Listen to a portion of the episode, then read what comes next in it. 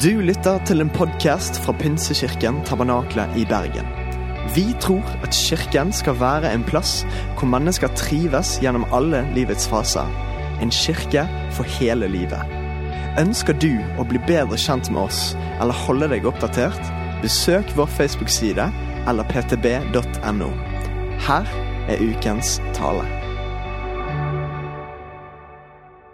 Det er så herlig å se dere. Riktig god søndag kveld, alle sammen. Går det greit?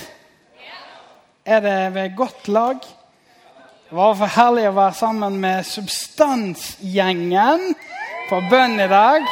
Wow! Der er det nesten jeg blir ivrig sjøl, vet du. Rett før jeg hoppet. Hvem var det?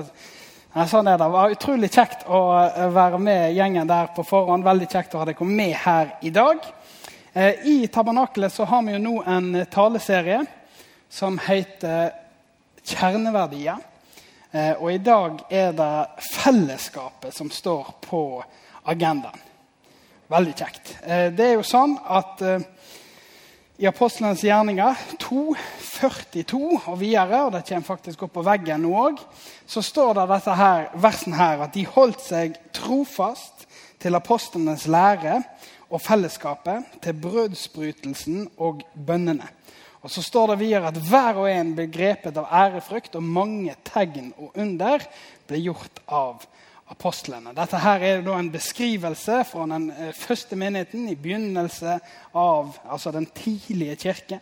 I begynnelsen av apostlenes gjerninger, og, og viser noen ting om helt sentrale vaner eh, som de hadde. I, I tabernaklet har vi da valgt når vi begynner denne høsten her, å gå det er back to basic. på en måte. Ok, Hva er det grunnleggende i det vi holder på med?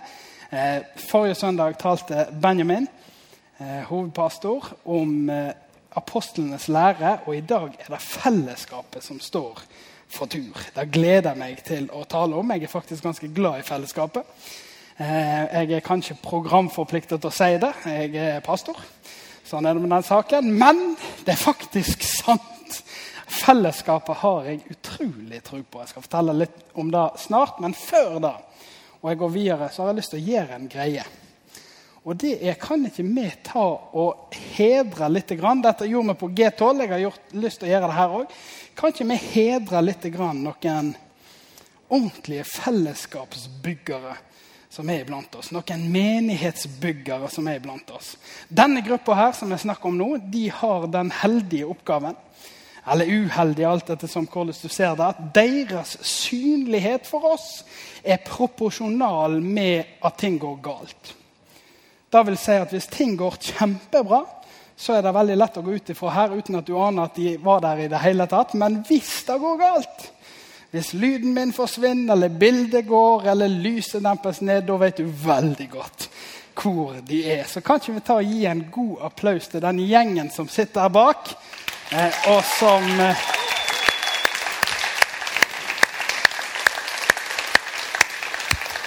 gjør en fantastisk innsats. To timer før vi eh, dukker opp her og drikker litt kaffe og preker sammen, så er de på plass for at vi skal ha både lyd og lys og bilde og det hele tatt. Det er utrolig flott. I dag har til og med eh, bildeteknikeren fiksa presentasjonen min fordi at han tenkte han trengte litt pimping før G19. Altså, hvis, hvis, altså det, det, det kan nesten ikke bli bedre. Så det er utrolig flott. En, en heltegjeng som sitter der bak. Fellesskapet. Du, det er jo sånn at eh, det er en glede å se dere. Og jeg håper jo det er sånn for deg at søndag er en festdag.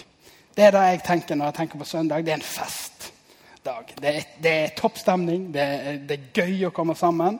Og vi får lov å komme sammen og feire Jesus, være sammen i tilbedelsen av Han som virkelig fortjener tilbedelse. Og det er en festdag. Samtidig så er det ikke kun en festdag. Og det er ikke sånn at Gud kun rommer når det er fest og toppstemning og glede og fryd, men Gud rommer òg forvirring, tvil, sorg og hva det måtte være. Og jeg syns det er en fantastisk styrke med fellesskapet. At enten du er på toppen og vil være med på festen, liksom. Stå på første rad og hoppe og sprette for Jesus og tenke 'Yes, kommer!' Det møtet i dag, eller du egentlig har lyst til å sitte deg lengst mulig bak på bakerste rad, så er du velkommen til det kristne fellesskapet. Jesus det er han som sa 'kom til meg', òg når du strever. Og når det er tungt å bære, og han vil gi oss hvile. Vi har vært igjennom apostlenes apostelens gjerninger nå. Eh, verset der det står at de holdt seg trofast til fellesskapet. Eh, og Det første jeg har lyst til å gjøre nå, det er å stoppe litt med dette ordet 'fellesskapet'. Det er rart når du skal tale om et spesielt tema, du får et tema uttalt, så begynner du å smake på ordet på en annen måte. Fellesskap. Jeg har aldri før tenkt at det er et skap som er felles. Men sånn er det, altså. Dette skapet vi har felles, dette samfunnet, står det ja. Dette her vi har funnet sammen underlige greier. Men jeg måtte slå opp i ordboken, for jeg ble helt ordblind på dette ordet. når jeg begynte å smake på det. Eh, og så Hvis du ser i ordboken, så ser du at det står 'å høre sammen med noen', jf. tilhørighet eller samhørighet. Eh, og eller da en sammenslutning av mennesker med felles bakgrunn, bosted, interesser eller lignende. Det er ordboksdefinisjonen av det. Hvis du går i grunnteksten på dette verset, som jeg nettopp har lest, så vil du finne ordet koinonia. Eh, og nå I begynnelsen av denne talen så blir det litt sånn eh, teoretisk eh, anslag av det. Jeg har lyst til å eh, nei, presentere noen begreper eh, og gå litt inn i de for å bygge noe. Jeg er på vei en plass. Jeg håper det henger med underveis. Koinonia det er ordet på gresk. Eh, koinonia-begrepet som du ser oppe der, kan bl.a. oversettes med fellesskap, partnerskap, interaksjon, deltakelse eller bidrag. Det er henta fra Strongs, som er en sånn konkordans for oss som ikke kan gresk. Noen kan jo det, jeg kan det ikke. Jeg kan ikke hebraisk, jeg kan ikke gresk, men jeg kan slå opp i Strongs. Det er min eh, triks i ludo når jeg skal ha ordstudien. Og I konkordansen så er det jo så genialt at det står hvor ordene fins i teksten òg. Det er sånn at uh, Dette ordet koinonia fins 19 ganger i Det nye testamentet. Med da litt forskjellige oversettelser, sånn som uh, det ser der. Vi kommer litt tilbake igjen til det. Og Det første poenget som jeg vil ta ut fra dette, her, er at når vi snakker om det kristne fellesskapet, så kan vi kanskje si sånne ting som at jeg hører til det kristne fellesskapet. Eller hvis du tenker på en predikant, en pastor som står på scenen, så kan du kanskje høre utsagn som det er viktig å høre til det kristne fellesskapet. Det er viktig å ha et fellesskap. Du må høre til i fellesskapet. Og jeg tror at veldig lett eh, kan vi oversette det til å gå på møte. Og jeg, jeg hører til det kristne fellesskapet, altså jeg går på møte.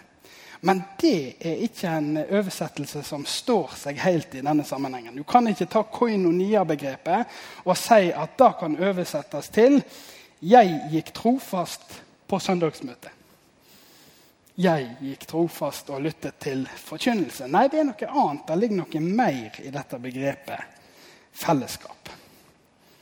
I ordboken er det også sånn at, at, sammenslutningen av mennesker, altså dette fellesskapet, gjerne eh, er knytta til felles bakgrunn, felles bosted, interesser eller sånne type ting. Og jeg vil òg påstå eh, for dere her at det kristne fellesskapet skiller seg litt ifra de tingene. Det kan godt hende vi har en del felles interesser. Eh, vi er jo i Bergen, så sannsynligvis det er ikke så mange av dere som er her ifra Alta. I hvert fall ikke for kun dette møtet. i alle fall. Da er jeg mektig imponert. Hvis du kom ifra Alta i dag for å komme på møte, så opp med ei hånd. Nei ah! Er du fra Alta på ordentlig? Har du sett på maken? Det er helt, jeg, jeg, tror jeg går ned. Dette er det mest oppmuntrende skjedd hele mitt liv. Jeg regner med du skal gå bibelskole. Veldig bra. Kan jeg bare få lov å late som du er kommet her for å gå kun på G19 i dag? Takk. Det var veldig oppmuntrende. Det skal jeg si til kona når jeg kommer hjem. Ja, men utrolig, utrolig kjekt. Poenget mitt med dette her er ja, det kan hende vi har noen felles greier. Men grunnen for at vi kommer sammen, dypest sett, er ikke fordi at vi er samla for en ytre grunn, men vi er samla for et navn sitt skyld. Vårt fellesskap er basert på navnet Jesus. Det er derfor vi kommer sammen. Det er denne, sammen, eh, altså denne tilhørigheten til Jesus som er grunnlaget for fellesskapet. Og Det betyr at du kan reise fra Alta til Bergen og finne koinonia. Eller jeg kan reise fra Bergen til Alta og finne koinonia. Jeg kan reise egentlig herifra til nesten hvor som helst i hele verden og finne koinonia, det kristne fellesskapet der mennesker samles, basert på sin tilhørighet til Jesus Kristus. Ja vel. Videre så er det sånn at, eh, som dere kanskje har skjønt at jeg har begynt å legge opp til, eh, så er koinonia-begrepet, dette fellesskapsbegrepet vi møter på, ikke et passivt begrep. Derfor sier jeg det kan ikke oversettes med at du gikk på møte. Du satt på møte. Det er ikke nok. Og, og, og, og spørsmålet mitt blir da litt sånn Er søndagen egentlig nok? Er, er, det kristne fellesskapet det vi finner på søndag en og en halv, to timer? Hvis du drar litt ekstra på i katedralen etterpå, tre, tre og en halv, kanskje fire Er det liksom koinonia? Fyller vi hele kristenbegrepet der? Nei, det spørs. Det handler om, og, og når vi tenker på et kristent møte, så er det kanskje sånn at det er mange passive deltakere på en måte, som, som lytter til, og veldig få aktive. Men det er ikke det Bibelen maler opp til når han snakker om dette fellesskapet som de trofast holdt fast med. Jeg tror at du og jeg er skapt til fellesskap. Jeg tror vi er skapt til fellesskap i det at vi har et behov for å ha dette fellesskapet. Og kanskje kan du tenke Jeg har i alle fall møtt dette her litt òg, spesielt etter jeg ble, eh, begynte å jobbe som pastor, at søndagen er ikke nok. Jeg får ikke nok på en søndag. Det er ikke godt nok for en søndag. Jeg blir ikke mett. eller Vi kan bruke mange forskjellige eh, begrep for dette. Det er liksom ikke nok for meg med søndagen. Det strekker ikke til. Er det ikke noe mer å hente? Og da vil jeg si amen. Søndagen er ikke nok. Takk og lov. Halleluja. Og vet du hva, jeg sier dobbelt halleluja. For vet du hva, at uh, som regel når det er søndag, så har jeg en mikrofon i en eller annen sammenheng. Jeg skal si et eller annet greier. Jeg trenger et fellesskap som er noe annet enn det søndagen gir. Men jeg elsker søndagen. Ikke misforstå meg. Jeg syns søndagen er genial. Men jeg trenger noe annet for at da fylden av det fellesskapet Gud har kalt oss til å leve i, skal være der. Hvis vi hadde lest videre i Apostelens gjerninger 246, så hadde du sett en litt eh, voldsom påstand. I alle fall for meg, som ikke er sånn super eh, ekstrovert i tilslaget. Hver dag, står det, holdt de sammen, trofast sammen på tempelplassen. Og i hjemmene brøt de brødet og spiste sammen med oppriktig og hjertelig glede. De sang og lovpriste Gud og var godt likt av hele folket, og hver dag la Herren til nye som lot seg frelse. Det var mye fellesskap. Hver dag kom de sammen i, eh, tempelet, og hver dag eh, brøt de brødet trofast i heimene. Det var veldig mye fellesskap. Og Det gjør for meg at jeg skjønner at ok, de halvannen timene på søndag der vi fyller med et eller annet greier, kan ikke erstatte fylden av dette her hver dag. Så er det ikke min påstand at, at uh, du og jeg må nå ha life-fellesskap hver dag. Det skal være life-grupper mandag, tirsdag onsdag, torsdag, fredag, lørdag og én på søndag mellom 12 og 19 gudstjenester for å være sikker. Nei, Det er ikke det som er min påstand, men det jeg vil i alle fall trekke ut av dette, her, er at du og jeg trenger et fellesskap som er mer enn det søndagen gir. Og vi trenger et fellesskap som både er festen, som jeg maler litt bilde om på søndag. Woho, yes, det er gøy å være sammen! Eller liksom vi hopper og danser, eller hva nå enn vi finner på når vi er sammen. Men det er litt festpreg over søndagen. Men så trenger vi òg dette fellesskapet i hjemmet, dette mer nære fellesskapet. De brøt brødet, og vi kommer til å tale litt om nattverd neste søndag. Men da brødsbrytelsen òg symboliserer, tenker jeg, den symboliserer òg nærhet. Den symboliserer òg da å ha et intimt og tett fellesskap med mennesker.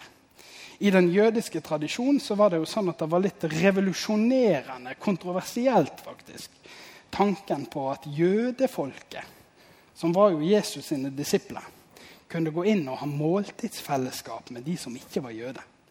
Det var jo litt uhørt. Sånn at Gud måtte jo tale veldig tydelig til Peter når han skulle til Kornelis hus. For at han skulle gå inn og spise sammen med de. Det var en uhørt greie. Men likevel er det da vi i den nye pakt blir invitert inn med. Og Jesus' sin åpenbaring til jødefolk er jo at frelsen er ikke bare til dere, men den er til alt folket. Som apostlenes gjerninger er da eksempelet på. Vi trenger det store fellesskapet, og vi trenger det mindre fellesskapet. Ok, nå har jeg lada litt opp. Går det greit? Heng det med ennå? Koinonia. Kan jeg si koinonia? Ja, det var greit nok. Det var akkurat sånn passelig begeistring. Det kan jeg leve godt med. Veldig bra. Da har vi litt eh, ordstudier med òg. La meg få lov å vise dette her. Horisontalt og vertikalt fellesskap kommer opp her. Eh, det siste jeg skal si av dette studiegreiene her, det er dette. Jeg nevnte jo at uh, koinonia-begrepet kan oversettes litt forskjellig, uh, og at det er nevnt noen forskjellige plasser i Nytestamentet.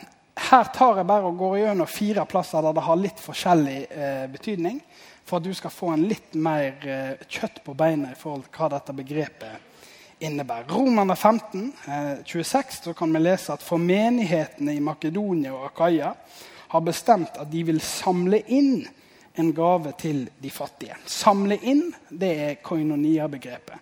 Den mest riktige oversettelsen hadde vært å skrive 'bidra'. Vi vil bidra med en gave til, men i 2011-oversettelsen så har de brukt å samle inn. Koinonia. Bidraget til de fattige. Når dere trofast, 2. Eh, Korinterbrev 13, når dere trofast har fullført tjenesten, vil de prise Gud fordi dere var lydige og bekjente dere til Kristi evangelium, og helhjertet delte med dem og med alle. Delte koinonie. Og Filippane 2,1 om det da er trøst i Kristus, oppmuntring i kjærligheten, fellesskap i ånden. Fellesskap i ånden, koinonie i ånden. Og til slutt 1. Johannes 1,3. vi har sett og hørt, forkynner vi òg for dere, for at det skal ha fellesskap med oss koinonia, vi som har koinonia med far og hans sønn Jesus Kristus. Mitt poeng med å lese disse versene er at fellesskapsbegrepet brukes om oss, men det brukes òg om han. Så i kirken har vi Se hvor høykirkelig jeg blir akkurat nå. I kirken har vi et horisontalt og et vertikalt fellesskap. Og der var jeg prest. Amen. Det er litt mangfold i kirken i dag. Men sånn er det. Eh, og vi har det horisontale og det vertikale fellesskapet i kirken. Og det er jo virkelig gull for oss. Og det er herlig. Og det er det aktive fellesskapet oss imellom. Og det aktive fellesskapet, bidragsfellesskapet, overfor Gud. Ja vel. Jeg er på vei tilbake igjen der òg. Når det gjelder det kristne fellesskapet for øvrig, så har jeg lyst til å si dette. Når jeg lader opp sånn at jeg kan si dette. Blant annet. Det er sånn at vårt fellesskap skiller seg fra dette her interessefellesskapet. Det er jo dette jeg er inne på. Vi har ikke et fellesskap som er basert på først og fremst hva årslønn vi har, eller hvilket kjønn vi tilhører. Vi har ikke et fellesskap som er basert på, på at vi bor geografisk akkurat der og der, eller er, hva favorittlag vi har i Premier League, f.eks. Alle vet at det bør være United, men det snakker vi ikke mer om denne søndagen her. Det er ikke strikkingens venner eller heklingens venner eller forskjellige greier som gjør at vi kommer sammen. Det er liksom Jesu navnet. Og jeg mener helt oppriktig, og jeg kommer sikkert til å si det mange ganger, at dette er en av de mest geniale tingene med vårt kristne fellesskap. Disse forskjellene som vi bærer med oss inn på arenaen her inne sannsynligvis er det folk her inne i salen som du ikke hadde hatt med å gjøre i et rent interessepreget fellesskap. Der filteret av at vi har et eller annet felles ytre sett som samler oss, som gjør at vi kommer sammen. Sannsynligvis er det altså Ikke sannsynligvis, det er feil, men kanskje er det til og med folk i dette rommet som du hadde gått omveier om for å slippe å møte til vanlig. Altså, du vet, skjønner du hva Jeg mener? Nå, jeg er jo fra bygda, så jeg snakker litt sånn rett fra levra av og til. Og de har ikke klart å tatt det helt vekk fra meg ennå her inne i byen. Så vi får se hvor lenge det varer. Men, men sant, du vet de folkene som du tar to ekstra busstopp for å slippe å gå av samtidig med? De folkene som du bare 'Å nei, jeg tar neste buss.' jeg går på Rema 1000 istedenfor Kiwien for at jeg orker ikke å handle i lag med Du vet de folkene her? De er jo her inne, vet du. Eller de kan være her inne. Jeg sier ikke de er. De kan være her inne fordi at dette kristne fellesskapet gir at det er noe helt annet enn preferanser og greier som samler oss. Og for meg er dette genialt. Det, det, det, er genialt. Det er ikke alltid lett. Jeg skjønner at dette gjør at vi får litt trøbbel av og til, men i utgangspunktet er det genialt. Kan jeg få lov å fortelle en historie om en gang jeg virkelig øh, fikk en åpenbaring på de her tingene? her? I mine litt mer framoverlente dager når jeg var i begynnelsen av 20-årene, så jeg er blitt litt mer sånn tilbakeoverlent når jeg er 30. Det får be for meg etterpå. Kanskje jeg blir like framoverlent igjen. Men for i 20-årene der så skulle jeg lede, være en del av lederteamet i ei evangelistgruppe i Bergen. For vi hadde funnet ut at Bergen skal bli frelst. Og Vi var sikkert de første som hadde funnet ut av den saken. Nei, vi var ikke det. Men den har vi funnet ut av. Bergen skal bli frelst! Og vi har funnet en veldig genial måte å gjøre det på. Vi skal forkynne evangeliet. Det er jo veldig grensesprengende åpenbaringer vi hadde fått.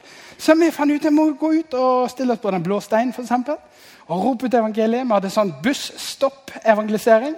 Veldig kleint sto og ropte evangeliet til folk på andre sida av gata som sto og venta på bussen. Ja vel, Asle. Sånn var det. Det var ikke så mange som rekte opp hånda. Det må jeg si. Men de fikk iallfall høre. Så det var liksom forskjellige stunt vi gjorde. Og så hadde vi blitt med i evangelistteamet der. Og så skjønner du, Jeg var jo i begynnelsen av 20-årene, og det er noe som er veldig fint med å være i begynnelsen av 20-årene. Hvem som er her? Som er i begynnelsen av 20-årene.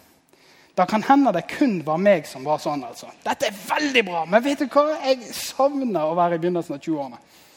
For da hadde jeg skjønt alt.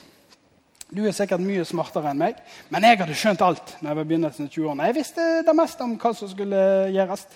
Jeg visste hvordan sånn var tingenes tilstand. Jeg kunne meget om mange ting. Og spesielt også hvordan være evangelist. Men jeg er jo hyrde. Men jeg visste om den saken. Så sånn var det. Så jeg var med i dette teamet her, og så var det én person i det teamet, og han hadde ikke skjønt noe. Han hadde faktisk ikke skjønt én ting. Han Han var jo helt ute å kjøre. Og jeg gikk til han lederen vet du, som var, han som var hovedleder i teamet. sa til han, du, nå må du gi, altså, Det må jo skjønne å få ut denne fyren. Han må jo, få, må jo få han herifra. Det går ikke an å drive noe evangelist med en sånn type i teamet. Går det? Han vil ikke be engang. Vi skulle sette oss ned og be. Og det er jo veldig herlig å be. vet du. Å, Jesus, oh, skikkelig sånn. Han vil ikke be. Han har ikke tid for å be. Han skulle danse for Herren. Han Han sto opp faktisk en time før eh, liksom han skulle på jobb for å danse for Herren. Det går ikke an å evangelisere mens han danser for Herren. vet du. Nei, nei, nei, dette var helt grensesprengende for unge Sakariassen. Nei, Det går ikke an å være med han der fyren. Du må få han ut. Men han hovedlederen han var ikke i begynnelsen av 20-årene. Han var faktisk kommet litt lenger enn det. Så han sa slapp av. Vi må gi litt sjanse. Kom an. Vi gir, han et halvt år. Ja, det er greit å gi han et halvt år. Og så førte jo da til at jeg ble tvunget til å bli kjent med denne personen. Og vet du hva? Han ble som en bror for meg.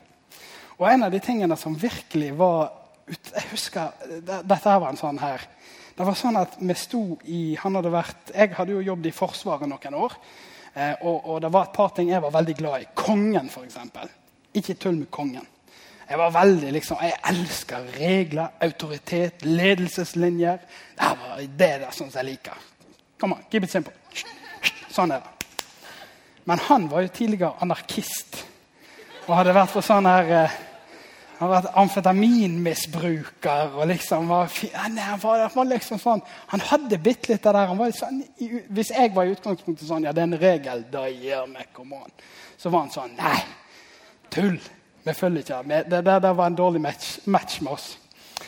Men sant, de forskjellene der, så var vi der. Og så reiste vi til Nygårdsparken. For der var det mange rusmisbrukere som, som samles i den tida der. Og så fikk jeg lov å stå og se når han forkynte evangeliet til de som slet med amfetaminmisbruk, f.eks. De som hadde vært heroinmisbrukere i mange mange år. Og vet du hva?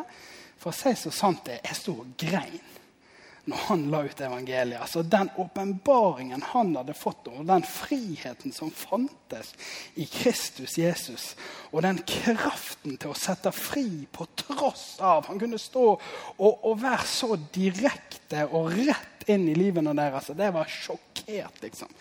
Ja, han var fra Sverige òg, vet du.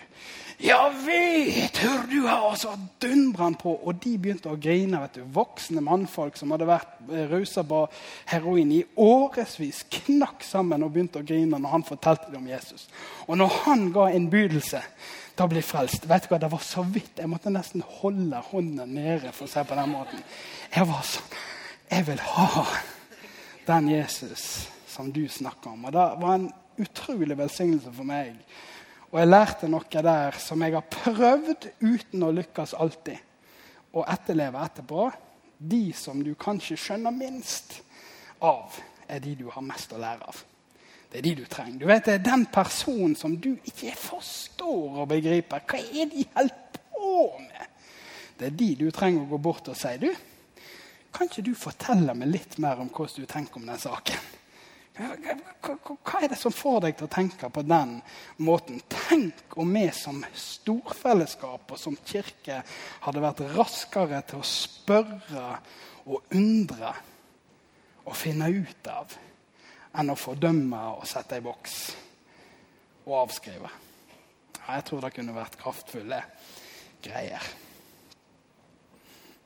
Jeg er utrolig takknemlig for at jeg ble tvunget til å være sammen med han her typen som jeg hadde avskrevet for lenge siden. Det var vanvittig lærerikt. Um, og en enorm rikdom. Nå går vi ikke i samme forsamling lenger, men det er alltid gledelig å treffe han. Det er klemming, og det er toppstemning. Og han har alltid et veldig skarpt og utfordrende ord som han har å komme med, og det er herlig. Du, jeg ønsker å understreke dette her, at, at vi snakker om et aktivt fellesskap. Um, og det er sant? Fellesskapet vårt er ikke basert på uh, Og er ikke best. Det er ikke sånn at jo, jo bedre lovsangstime blir, jo bedre fellesskap har vi. Jo bedre lydteknikerne blir, jo bedre hvis vi bare får sendt predikanten på et ordentlig kurs. Så blir vi et godt fellesskap. Nei, fellesskapet har sin store styrke at vi kommer og bidrar til fellesskapet at vi er en del av det. Paulus han sier jo dette her i 1. Korinterbrev. Hvordan er det da, brødre? Når det kommer sammen, da har hver enkelt av dere en salme, en lære, en åpenbaring, en tunge eller tydning. La alt skje til oppbyggelse. Dette tegner et bilde av et aktivt fellesskap. Og jeg tenker jo at vi må forstå dette fellesskapsbegrepet her i store linjer. Ikke, han snakker ikke om søndagen. Hvordan er det på søndagsmøtet? Det er ikke det han snakker om. Han snakker om hvordan er det i fellesskapet. Koinonia. Det store begrepet. Hvis vi forstår dette som søndagsmøte, da er det bare å begynne å stille en kalender. Altså, Da kan du bare med en gang gå inn og merke heldagshendelse på søndagsmøtet. Hvis vi skulle praktisert dette. Jeg vet ikke hvor mange vi er i dette rommet akkurat nå, men det hadde tatt ganske lang tid hvis alle skulle opp med en salme, en lære, en åpenbaring, en tunge eller en tydning. Jeg tror ikke tolv timer nødvendigvis hadde vært Altså, Det er tolv timer, så hadde vi vært gjennom halve delen av salen. Jeg har lagt ut forskjellig hva som er på hjertet. Det er ikke sånn vi skal forstå det, men jeg tror vi skal forstå det som at det er ingen av oss som er med i fellesskapet, som ikke har noe å bidra med. Det er ingen av oss som er i fellesskapet, som bare er mottakere. Min nådegave fra Gud er å være en passiv mottaker. Nei, det tror jeg faktisk ikke på. Og Jeg snakker ikke om et sånt prestasjonsgreie, at vi skal komme sammen for å prestere. Men jeg snakker heller om en identitetsgreie. At du faktisk er viktig. At faktisk fellesskapet ikke er det samme om ikke du er en del av det. Du bringer noe til barn. Og det kan godt hende Jeg har av og til lurt på dette her og drevet med et sånt tankeeksperiment eh, eller en forestilling inni mitt eget hode der jeg lurer på hva hadde skjedd hvis vi som Guds folk som kommer sammen liksom, på møtet, hadde tenkt på forhånd. ok? nå er det en time til møte. Herre, hvem er det jeg skal se i dag? Hvem er det jeg skal bety en forskjell for i dag? Hvilken eh, hva, velsignelse skal du forløser gjennom meg i dag? Det kan være at det er faktisk akkurat du som sitter i salen, som har eh, oppmuntringsordet som den som sitter ved sida av deg, trenger i dag. Som du får dele rundt kaffebordet nede i salen etterpå. Det kan hende det er du som har løsninger på et eller annet praktisk eller eh, sjelelig problem som er en del av veka som kommer. Og Guds velsignelse kommer gjennom deg. Tenk hvis vi hadde hatt et sånn her kollektivt. Vet du hva, Jeg skal sannelig sørge for at når vi kommer sammen i dag, så skal folk rundt meg bli sett. Jeg skal se noen. Jeg skal velsigne noen. Jeg skal be for noen. Jeg skal komme med et oppmuntringsord til noen. Nei, jeg tror det hadde blitt eksplosive greier.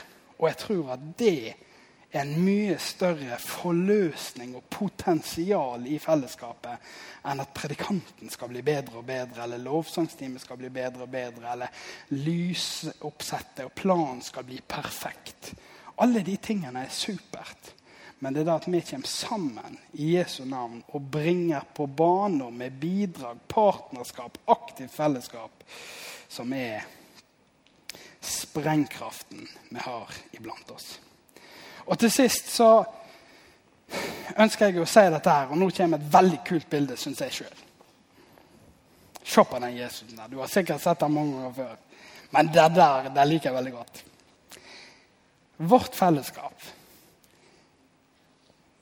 skiller seg jo fra andre fellesskap nettopp gjennom dette jeg har vært, prøvd å tegne for oss med det vertikale Nei, ja, horisontale og vertikale. At når vi kommer sammen, så er det ikke kun vi som kommer sammen. Det er jo dette her litt sprø løftet at når vi kommer sammen, når vi planlegger og setter oss for at vi kommer sammen, så driver vi med masse planlegging. Jeg sa at Gjengen her er jo her to timer før møtet begynner for å gjøre alt klart. Det er masse greier som går inn i det. Det fins masse mennesker som jobber på for at møtet skal skje.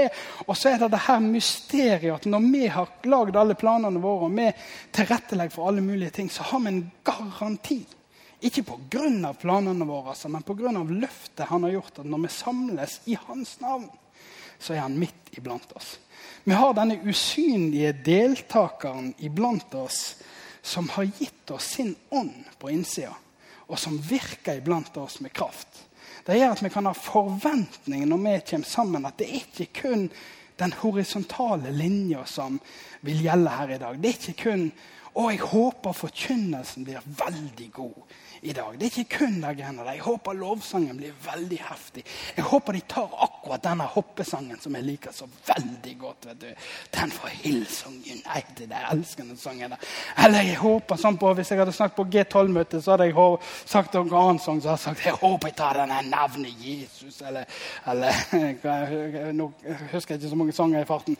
Men sånn, hvis det skjer, da blir det veldig bra møte. Jeg håper kaffen nede er veldig god etterpå. Jeg håper det er Ole Kristian, baristen, som skal lage kaffe etterpå. Da blir det et heftig møte. Nei, Vi har liksom noe annet vi kan sette håpet vårt til. Alle de her tingene kan være gode ting.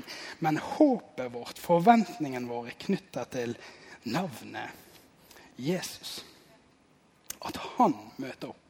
Og han kan møte oss akkurat der med. Det er derfor jeg er begeistra for å gå på møte. Det er derfor jeg når jeg, ble, var nyfrelst eller nettopp fylt med en hellig ånd, så tenkte jeg at eh, det er én ting jeg liker veldig godt, og det er Jesus. Men en annen ting jeg liker veldig dårlig, og det er møtet. Jesus har en veldig god plan. Søndagsmøte er en veldig dårlig plan. Så jeg lurer på om jeg kan klare meg fint uten søndagsmøte. Og hadde en god intensjon om at det skulle funke, men det gjorde det ikke. Og så har jeg etter hvert som troen har vokst, satt mer og mer pris på nettopp fellesskapet og rytmen i fellesskapet. Og merker at jeg faktisk har behov for dette fellesskapet.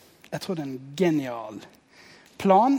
Eh, og eh, søndagen er med på å forme noe i oss som vi kan bære med oss ut til uken og ut til de nærmere fellesskapene. Jeg har jo et håp om at vi som forsamling virkelig skal se dette at Kirken er ikke noe som vi kommer til. Kirken det er noe vi er. Vi er Kirken. Vi kommer ikke til Kirken. Eh, jeg har vært skyldig mange ganger det må jeg alle bekjenne, i å si at jeg har eh, tenkt alt som Kirken mangler. Det burde vært bedre sånn, det burde vært bedre sånn, vi burde fått til sånn, og det skulle vært sånn, og herlig fred er det ikke sånn. Og, og, og, alt sånn her. Men egentlig er det en litt sånn underlig greie og underlig standpunkt å ha. For når jeg står og kritiserer Kirken, så kritiserer jeg egentlig meg sjøl. Jeg er Kirken. Jeg er en del av Kirken. Jeg må i det minste si 'vi'. Jeg må i det minste si 'vi' har en utfordring. Vi har noe greier. Hvordan kan jeg hjelpe og bidra med dette? Hvordan kan jeg hjelpe å få til dette? Du og jeg er håp for Bergen. I lag med våre brødre og søstre i andre forsamlinger så bærer vi et håp som er for Bergen. Jeg har lyst til å gi deg en utfordring denne søndagen jeg er litt framoverlent denne kvelden. Jeg har lyst til å gi deg faktisk en utfordring der du sitter akkurat nå. At hvis du har lyst til å ta et aktivt steg og si til Gud i dag Vet du hva? Jeg vil ta enda et steg i det å bygge din menighet i Bergen. Bygge din menighet der jeg er satt til å være jeg vil ikke være en som ser på menigheten utifra og inn, men jeg vil være en som aktivt tar ansvar og sier 'Yes, vi er Kirken'. Det er mitt ansvar. Jeg er en del av den greia her. Og jeg vil gjøre det jeg kan for at folk skal bli sett, for at mennesker skal få høre evangeliet, og for at mennesker skal få oppleve at det fins en levende Gud som samles iblant oss. Og Hvis du har lyst til å gjøre dette, så vil jeg be deg nå for som en synlig handling legge hånda di på hjertet. Og så vil jeg be en bønn om at Herren skal salve deg, gi deg visdom og innsikt til å gjøre nettopp det. Å være en menighetsbygger i den rollen du har, på den måten Herren ser at han kan gjøre. Så legg hånd på hjertet ditt om du har lyst til å være med på det. Og så sier jeg Jesu navn så har jeg lyst til å be for hver enkelt person nå som har lagt sin hånd på hjertet, som har tenkt til deg at ja, jeg vil være enda mer aktiv. Jeg vil ta mitt ansvar og min rolle. Jeg vil at du skal hjelpe meg, og du skal fylle meg med din hellige ånd, så jeg kan gjøre det du har kalt meg til å gjøre. Jeg har lyst til å velsigne deg akkurat nå. Be om at ditt rike skal komme, be om at din vilje skal skje. Og så har jeg lyst til å be nettopp denne bønnen her om at Fyll De Hellige Ånd med din kraft. Fyll De Hellige Ånd med din innsikt. Fyll De Hellige Ånd med din nåde og din visdom inn i forskjellige situasjoner. Så ber jeg om det der. En forløsning av nådegaver til å virke i både visdomsord, for guddommelig innsikt, for kunnskapsord, og hva det enn måtte være av gaver som en trenger til for å gjøre det du har kalt dem til å gjøre. Takk, Gud, for at vi får lov å være din kirke, menighet. Og være og bære dette håpet om herlighet til Bergen som by. I Jesu navn. Amen.